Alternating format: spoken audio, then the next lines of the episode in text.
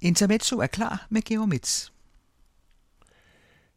Det var længe ventet, om en ikke med længsel dansk mediepolitik tempererer illusionerne, så i det mindste i forventning om relativt snarlig tilpasning af forholdene for alternative medier og for de offentligt støttede store aktører.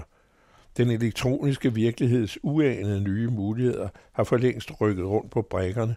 Høfligt læst antyder regeringens medieudspil en mere rummende definition af støtteværdighed, hvor skriftmediers medvirken ikke nødvendigvis ses som forudsætning for statsmidler til billede og lyd. Mest markant vil regeringen begrænse de globale mediemastodonters indflydelse, hvilket er lige så let som at få vand til at løbe opad. Det drejer sig trods alt om overstatslige virksomheder med potens som middelstore lande. Hovedfjenden her, algoritmerne, er som vindmøller, mod hvilket de tabbere rider i felten på en trebenet krikke. Man skal ikke forvente mirakler. For de store offentlige medier foreslås ikke alverden.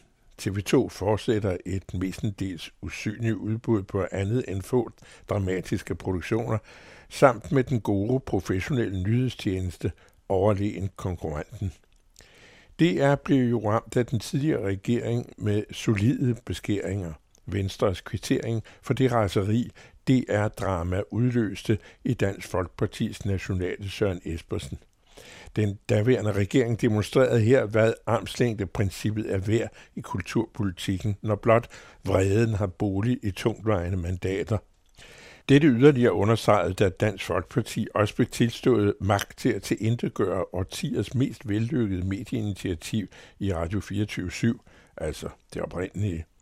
Den sag bidrog til at reducere Dansk Folkeparti og kan i sidste ende, når Morten Messerschmidt har haft sit øjeblik, være sømmet i låget til kisten. At det er led under Løkke Rasmussens voldsbesparelse er utvivlsomt. Huset på Amager er dyrt i drift, lønningerne i det robuste lederlag generøse, mange penge er helt uproduktivt i grøften. Besparelserne er nu taget af bordet, mens det stadig går ud over kunderne, se selv programmerne. Den store virksomhed er noget henne i kommunen, som unge mediefolk udtrykker det. Befolkningen, der finansierer DR via skatten, kan ikke som med folkekirken vælge tilbud fra, men reagerer afvisende før eller siden. Det er sikkert og vist. Det er farligt for public service, som et ordentligt land ikke bør være for uden. Tanken er skræmmende, men tålmodigheden har sine grænser. Medieudspillet er her ganske vist krisebevidst og taler om en reformeret upolitisk bestyrelse i DR. Det lyder besnærende, men er det ikke. DR kan ikke undvige politikerne. Det fordrer mere fantasi end den forhåndenværende at forestille sig partierne afgive kontrollen. Bestyrelsesmedlemmerne bliver ofte, er det for tiden, fjerde geled i partiernes snakkende lag. Udspillets forestilling om mere mediefaglige folk på posterne er sympatisk og naivt. Virksomheden var i virkeligheden bedre tjent med rigtige politikere i bestyrelsen, reelle og synlige konflikter, og dermed den offentlige debat, der nu er afdød. Så kan man tage den derfra. Afgørende er det i den forbindelse og under alle omstændigheder udstyre en så vigtig sag som det er med en helt anderledes slags faglig stærk ledelse af producerende og kunstneriske folk, der med en bredere dannelse end den administrative kan udtrykke sig og udadtil har bemærkelsesværdige meninger om andet end krænkelse af pigekoret for 25 år siden.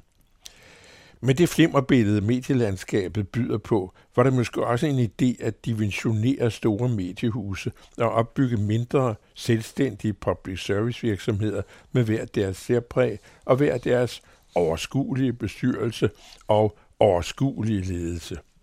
Påtrykket mod sådanne divisioner kan måske blive mindre, og en vred politiker ikke gør ubudelig skade, når lokummet brænder, og DR's embedsværk går i panik. En sådan tænkt indretning åbner, ja det skal erkendes, et helvedeshul af problemer. Men i betragtning af, at den nuværende struktur ikke kan fortsætte, ikke som produktion og programpolitik er kørt i overvis, var det måske en idé at drøfte andre måder end kulturministerens tavshed om emnet. Udspillet opererer med mere medie til provinsen, som ikke har noget at gøre med divisioneringsideen, som sagt her. Regeringen har udflytning på hjernen. Danmark kan ikke udflyttes nok.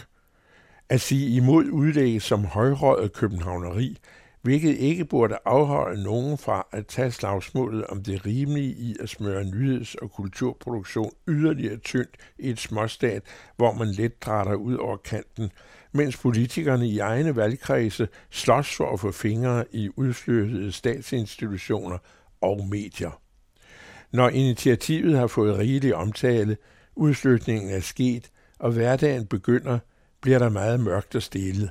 Driftsbevillingerne fortaber sig, og interessen fordamper. Som de jævnligt går, ender det nye medieudspil i beslutninger om struktur frem for en faglig og kunstnerisk sikring af det indhold, der dybest set bør være drivkraft og mål i en mediereform. Vi kan godt vide. Det ugenlige intermezzo med Georg Mitz. Det kan I høre hele ugen på den anden radio og læse hver fredag i Information.